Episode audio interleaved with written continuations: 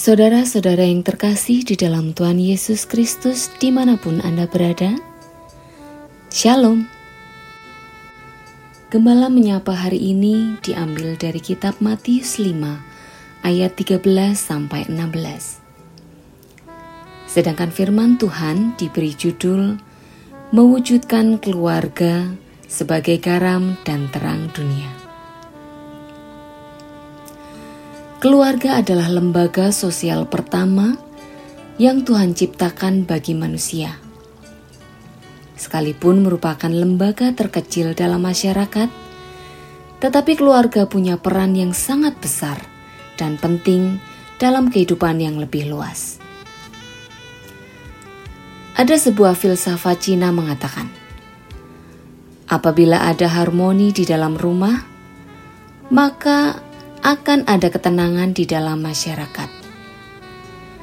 Apabila ada ketenangan di dalam masyarakat, maka ada ketenteraman di dalam negara.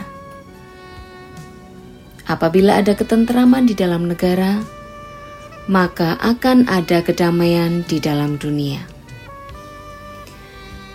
Keluarga Kristen dipanggil berdampak positif dan menjadi berkat bagi dunia.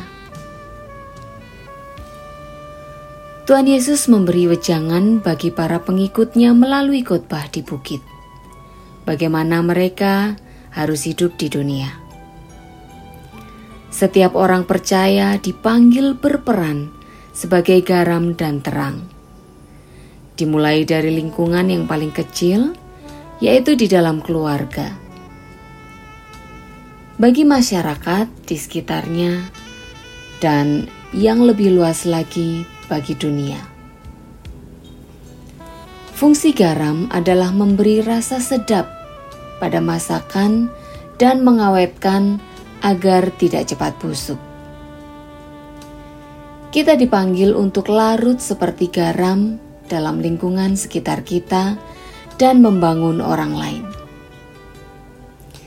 Lilin dengan sinarnya yang kecil baru kelihatan terangnya di tengah kegelapan. Demikian juga keluarga Kristen dipanggil berperan aktif dalam menyatakan kasih Allah. Kasih yang dikendaki Allah dari umatnya adalah kasih yang nyata dan terbuka menjangkau sesama. Bahkan juga musuh mereka. Kasih seperti itulah yang telah Allah kerjakan dalam diri Yesus Kristus dan harus dikerjakan oleh umatnya di dunia ini.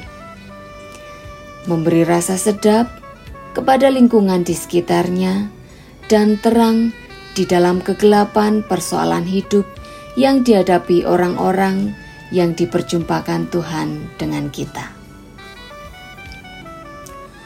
Panggilan menjadi berkat bagi banyak bangsa pada awalnya diberikan kepada bangsa Israel. Tetapi pada kenyataannya, Tuhan mengecam bangsa Israel, umat pilihannya, yang diumpamakan dengan kebun anggur. Mereka dikasihi dan dirawat begitu rupa, diharapkan supaya menghasilkan buah anggur yang baik. Tapi yang dihasilkan adalah buah anggur yang asam. Dinantikannya keadilan, tetapi hanya ada kelaliman. Dinantikannya kebenaran, tetapi hanya ada keonaran. Bagi bangsa Israel tidak menjadi berkat bagi banyak bangsa seperti yang diharapkan Tuhan. Kita bisa belajar dari teladan Paulus yang dalam segala hal bahkan ketika ia dalam penjara sekalipun. Ia mau agar Kristus dimuliakan dalam hidupnya, bahkan dalam kematiannya. Tekadnya, kalau ia harus hidup, itu berarti ia bekerja memberi buah. bukan buah yang asam, tetapi buah-buah perbuatan baik yang membangun banyak orang. Bagaimana dengan kehidupan keluarga kita? Menjadi garam dan terang yang tidak bersuara, namun diam-diam memberi pengaruh yang besar secara aktif dan positif di lingkungan kita. Misalnya, melalui terlibat dalam kegiatan RT atau RW, di kantor, di pemerintahan, dan sebagainya. Kiranya Tuhan Yesus Kristus, Sang Terang Dunia itu, memampukan kita memancarkan kasih-Nya, sehingga orang-orang di sekitar kita melihat dan merasakan kasih-Nya dan memberkati banyak orang dan mereka memuliakan Bapa di surga. Tuhan memberkati kita semua. Amin.